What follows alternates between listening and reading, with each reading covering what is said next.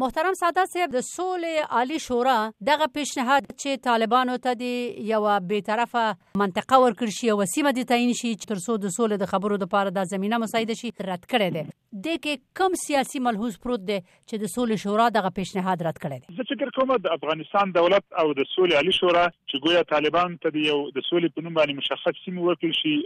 له څو جهاتو نقص کړی دی او له څو جهاتو دغه خبره مردوده ګڼلې ده لومړی دا چی که طالبانو سره سوله کیږی سوله باید د ټول افغانستان په کچه باندی وشی ځکه طالبان اوس د افغانستان د هر ولایت او حتی د افغانستان په ټوله جغرافیا کی خپل حرکتونه لری خصوص جنګی فعالیتونه لری که احیانا طالبانو سره د سولی خبری کیږی او د سولی رامنځته کیدلو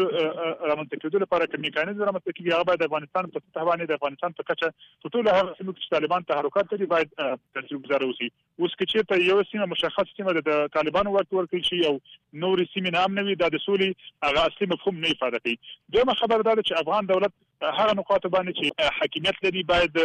قانون په مساوي توګه باندې تطبیق کړي او د قانون حاکمیت لپاره باید مساوي انډول تناسب په نظر کې ونیسي اوس که طالبان په مشخص سیمه واکمنېږي او هغه ته د سولې په نوم باندې ورکول کیږي دا به پرې معنا وي چې افغان دولت خپل حقوقي شخصیت د لاسه ورکړي او نشي کولای خپل خاورې پوره حاکمیت ترلاسه کړي درېمه خبره زه فکر کوم دا اوسې چې سوله امتیاز نه ده بلکې سوله یو تعامل دی سوله یو سیاست دی اوس که طالبانو ته دغه مشخص سوي د مادي امتیاز پر اساس ورکول کیږي زه فکر کوم چې بیا هم د سولې هغه مشخص تعریف باید سوله یو سیاست او سوله باید یو تعامل سي ملي تعامل سي زه فکر کوم بیا د سولې اصلي تعریف نشي پیدا کولای نو دغه بې طرفه منطقه عموما یا بې طرفه سیمه عموما په کومو حالاتو کې تعینیږي د ډلو ترمنځ یا د دولتونو ترمنځ یا د حکومتونو ترمنځ د حکومتونو ترمنځ مسله بیل ده او د طالبانو او د افغان حکومت ترمنځ مسله بیل ده لومړی باید دا واضح کړم چې طالبان اوس د افغان حکومت سره په ملي حقوق کې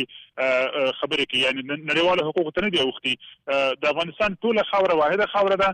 دلته د طالبانو ترمنځ یا د نورو مشخصو جنگي کړیو ترمنځ یا نورو سیاسي احزابو ترمنځ د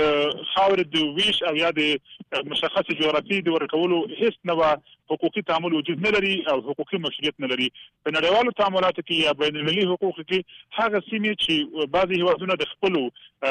د ژمنو پر اساس او د خپل رضایت پر اساس د زیر پوینټ پر اساس مول شي یعنی البته یو دولت هم نشي کولای چې خپل تسلط پیدا کاندي هغه سیمې د صفر نقطې یا زیر نقطې په نوم یادېږي عموما دغه نقطې په بهرونو کې چې کله د دوه هیوادونو ترمنځ امکان دی چې هغه جګړه وکړي یا د جګړې رامنځته کېدو لپاره دی دغه سیمه مشخصېږي چې یو هیواد هم نشي کولای حاکمیت پیدا کړي یا هغه نور سیمې چې هغه د جنگ سبب ګرځي اما د طالبانو موضوع یو جدا موضوع ده د طالبانو سره د افغانستان د حکومت ټول موضوع په ملي حقوق باندې را سرخيږي او تر اوسه پورې په ملي حقوق کې د مشخص سیمې سپارل یو وا یوې ډلې ته د واک سپارلو لپاره هیڅ نوع حقوقي مسولیت نشي درلودلی اما په بین المللي مسایلو کې داشته چې به طرفه منطقه ټاکل کیږي هغه ټاکل کیږي اما د طالبانو موضوع اوس پوری بین المللي حقوق ته نه دا وخت ځکه طالبان حکومت نه د طالبان دولت نه د طالبان یو جنگي کتله ده د افغانستان د خاورې په داخل کې باید مدغم شي نه بیرون تر اوسه پوری طالبانو موضوع نړیوال حقوق پوری نشي تل کېدل او د نړیوال حقوق تاثیرات او د نړیوال حقوق تطبیق د طالبانو او د افغان حکومت ترمنځ چې کومه سوله احیانا کله رامنځته کېږي هېڅ نوع تاثیر پرې نه شي پرېښودلی بلکې په اوس وخت کې د طالبانو موضوع او د طالبانو سره د خبرو اترو مذاکراتو لړۍ په تمام معنا باندې ملي حقوق موضوع ده خو ساده صاحب نو سوال دا پیدا کېږي چې دغه نظر یا د پیشنهاد اصلا چا کړی دی او په کوم منطق او په کوم اساس یې کړی دی زه فکر کوم د سیاسي نقطې نظره د طالبانو ته د مشخصو سیمو سپارلو واک د پاکستاني مقاماتو او بالخصوص د د جنرال پرویز مشرف طرح و چې باید دغه څه وسو شي طالبان حاکم شي پر افغانستان کې په مشخص سیمه کې هغه ته باید سیمه ورکړل شي هغه ته باید بل اخر په یو مسؤل سیمه طالبان ته افغانستان کې ورکړل شي او پاینده کې دغه نه د پاکستان په ګټه استفاده وشي له هغه وروسته چې کله د حزب اسلامي مشر ګلبدین انجنیر ګلبدین حکمتیار افغانستان ته راغی د خپل راتګ پر مهال باندې یو طرح وړاندې کړ چې د افغانستان د خلکو او بل خصوص د افغانستان د حکومت په مقابل کې د دوی د افغانستان د حکومت د تون غبرګون سره مخامخ شو